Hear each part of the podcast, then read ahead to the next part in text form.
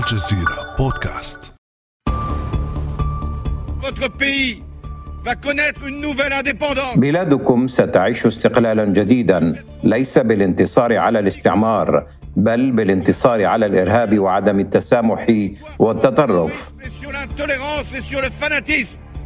بهذه النبرة خاطب الرئيس الفرنسي السابق فرانسوا أولاند شعب مالي عام 2013 معلنا دحر الجماعات الإرهابية بعدها بسنوات قليلة خرج الماليون إلى الشوارع يطالبون برحيل القوات الفرنسية محملين باريس مسؤولية استفحال الإرهاب بل واتهموها بدعم الجماعات المسلحة بدلا من محاربتها وهذا ما عبر عنه سليف كايتا المغني المالي الشهير الملقب بصوت إفريقيا الذهبي. Tu sais pertinemment que c'est la France qui poste des gens pour tuer les Maliens. فرنسا هي من تضع اشخاصا لقتل الماليين وهي من تدفع لهم ثم تطلق إشاعات أن جهاديين من يقومون بذلك Des rumeurs. فهل تواطأت فرنسا حقا مع الجماعات المسلحة في دول الساحل والصحراء؟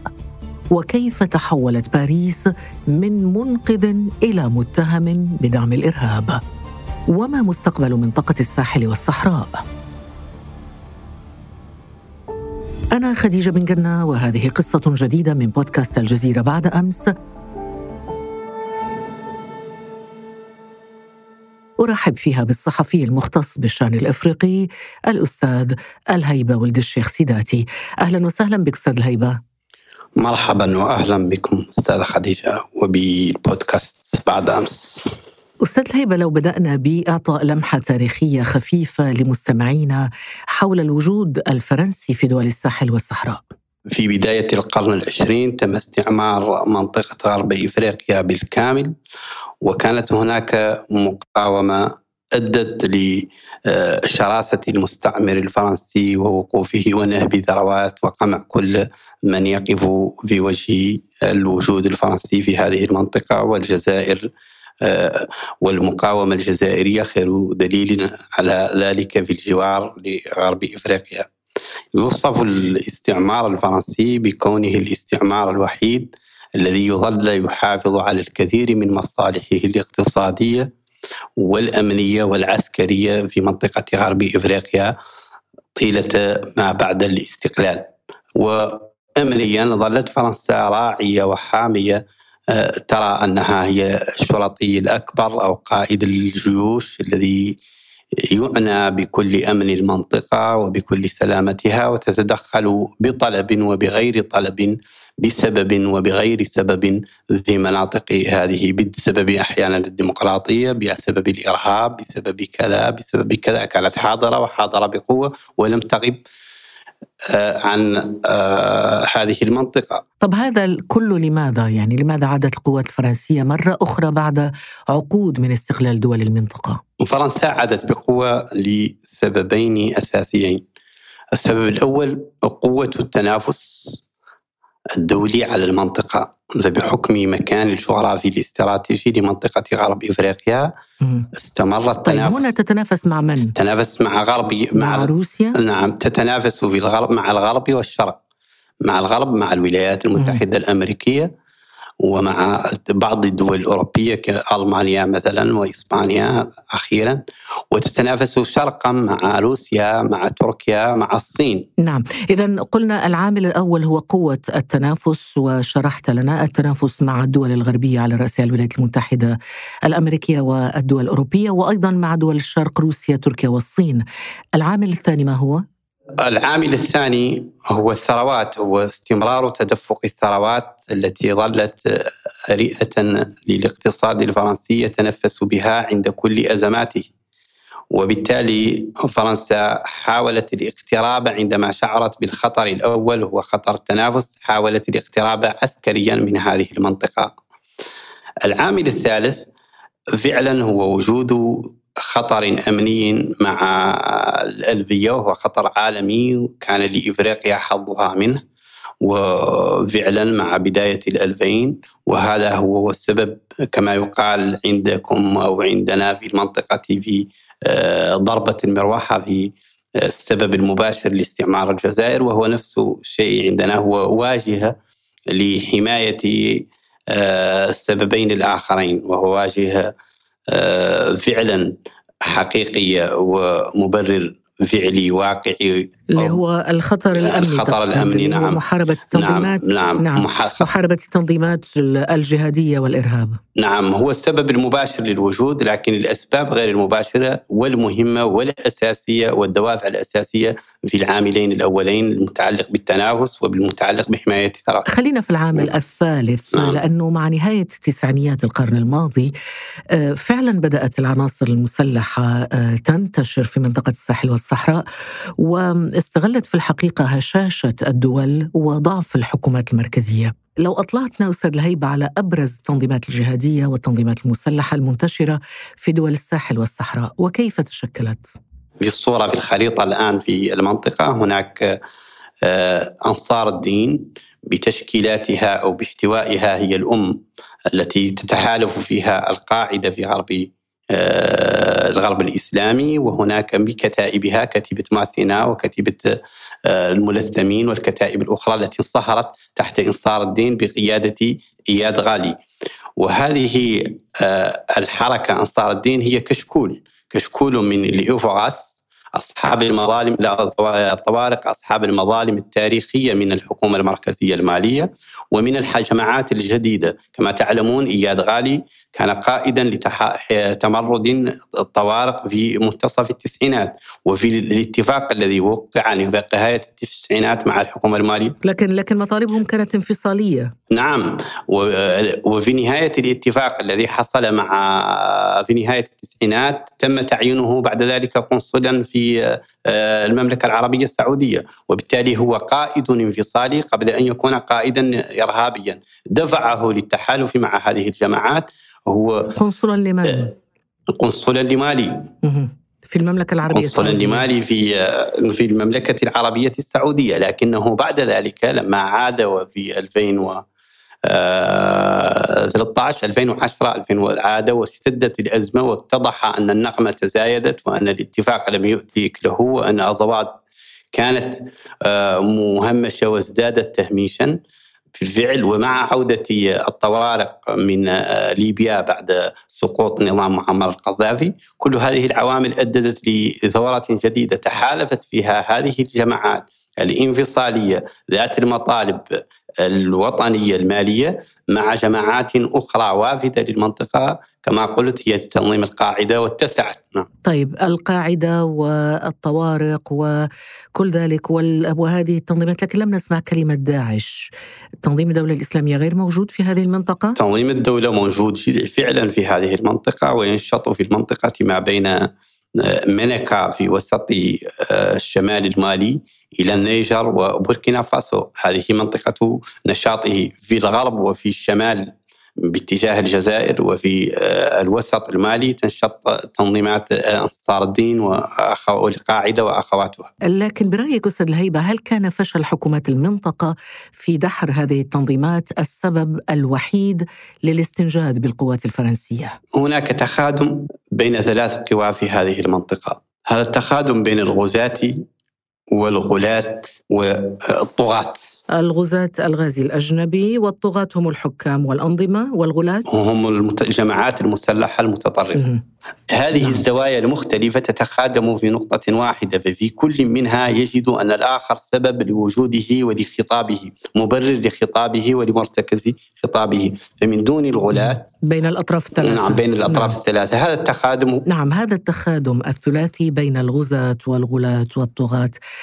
هل ينطبق عليه ربما المصطلح الأدق تواطؤ بين هذه الأطراف الثلاثة؟ أنا أفضل خدمة ما هو جلي وواضح ولا يمكن آه، تكذيبه ولا التشكيك فيه وهو التخادم الجلي فعلا ستكون هناك خفي بشكل خفي آه، آليات لاستمرار هذا التخادم العلني الواضح الفاضح مثلا من الامثله من الأمثلة أو الطرف الدالة والواردة في هذا المجال أن رئيسا لمالي سابق لجمهورية مالي في فترته السابقه آه، كانت آه، هناك في فرنسا كان كما تعلمون كان هناك رهائن في آه، بداية الألفين وكانت هناك مساعي لإطلاق سراحهم وكان مطلوب فدية نعم مطلوب فدية ووصلت هذه الفدية للتنظيمات هذه التنظيمات الإرهابية وعملت المخابرات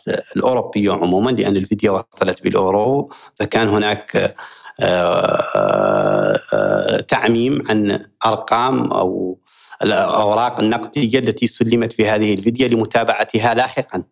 ويقال أن بعض زوجة رئيس مالي سابق كانت في إحدى الأسواق في فرنسا فانتبهوا أن هذه المبالغ التي عندها هي من تلك من تلك الأموال التي وصلت فدية القاعدة أو لهذه التنظيمات من أجل هذا الأمور هذه نكتة متداولة لا أدري مدى صحتها لكنها لكن هذه النكتة تتكرر أيضا أستاذ الهيبة لأنه مؤسسة أو شركة لافارج الفرنسية للإسمنت وهي عملاقة الإسمنت آه، في فرنسا أيضا دفعت فدية لتنظيم الدولة الإسلامية في وقت من الأوقات آه، وعوقبت من طرف الولايات المتحدة بقرار قضائي بدفع تعويض أو مبلغ مالي بالملايين. هل هذا الأسلوب موجود هكذا في هذا النوع من التعامل مع التنظيمات الجهادية والإرهابية؟ فعلا وقد تحدثت قبل سنوات لقائد في تنظيم القاعدة حدثني أنهم لم يعودوا فقط يقبلون الفدية بل إن بعض الشركات سماها لي حينها العاملة في المنطقة من مختلف الجنسيات الصينيه وفرنسية أنها تدفع ما يسميه هو الجزية تدفع مقدما لحماية أفرادها فتدفع نحن سنكون في المنطقة كذا والمنطقة كذا نرجو أن لا نمس بأذى وهذا مقدما ما تحتاجونه في هذا الموضوع. أنا أضيف مثال آخر إضافة للمثال الذي ذكرته أستاذ الهيبة وهو أنه وزير خارجية مالي في رسالة إلى مجلس الأمن في أغسطس السنة الماضية سنة 2022 قال إن السلطات المالية لديها المالية عفوا لديها عدة أدلة على أن هذه الانتهاكات الصارخة للمجال الجوي المالي قد استخدمت من قبل فرنسا لجمع معلومات استخباراتية لصالح الجماعات الإرهابية العاملة في منطقة الساحل وأيضا لإلقاء الأسلحة والذخيرة لهذه الجماعات. ولم ترد طبعا السلطات الفرنسية على هذه الاتهامات. ما رأيك؟ بغض النظر عن نفي أو تأكيد ما قالته الحكومة آه، المالية لكن بالحصيلة على الأرض هناك فعلا آه، ما يؤكد هذا التخادم ميدانيا. فمثلا فرنسا تدخلت في 2012 2013 في عمليتين برخان وسرفال. كانت إحداهما آه، عملية الأولى كانت واضحة الأهداف ونجحت في ذلك نسبيا. كانت هدفها هو إيقاف التوغل آه، الجماعات المسلحة إلى في مالي والوصول إلى باماكو. لكن في العمليتين سيرفال وبرخان لا يمكن إنكار أنه فرنسا فقدت آه، آه، عناصر لها من الجيش الفرنسي، هل يصح الحديث عن تخادم اذا أو عن تواطؤ؟ آه، والأرقام تؤكد لنا أنه ربما أكثر من 60 عنصر من الجيش الفرنسي قتلوا في هذه الحرب. فعلا فرنسا فقدت 58 جندي في هذه المنطقة. لكن كما لأشرح لك وأكمل الفكرة فعلا في برخان والسرفات كانت هناك عملية عمليتين أريد أن أبرر أو أوضح بالنتائج وأسباب الفشل ونتائج هذه العملية التي تؤكد وجود هذا التقادم. بالأسباب الفشل أن فرنسا في عمليتها الأولى حددت هدفا محددا في مدة زمنية محددة وفي مكان جغرافي محدد هو إيقاف التوغل في مالي للجماعات المسلحة في فترة وجيزة ونجحت في ذلك لكنها غيرت لبرخان غيرت الأهداف أصبحت عملية مفتوحة في عدة بلدان موريتانيا بوركينا فاسو النيجر مالي وأيضا الزمن مفتوح. وبالتالي تحولت هذه العملية من عملية آنية آلية إلى استعمار أبدي واضح. بالمحصلة بالنتائج فرنسا تدخلت عسكريا علنيا في الميدان 2013 حينها لم تكن هناك وجود عسكري للجماعات خارج جنوب تيمبوكتو. والتدخل الذي حصل هو حصل لإيقافهم من آه، بعض المدن المحاذية جنوبا لتيمبوكتو. الآن بالمحصله فرنسا تغادر والمنطقة في النيجر في بوركينا في كوت ديفوار ضربت القاعدة. دخلت فرنسا والجماعات محدودة عدديا. والكتائب محدودة عدديا. والعتاد محدود لهذه الجماعات. الآن تغادر فرنسا والجماعات عدديا بالمئات في بوركينا فاسو بالآلاف في مالي بالعشرات في النيجر.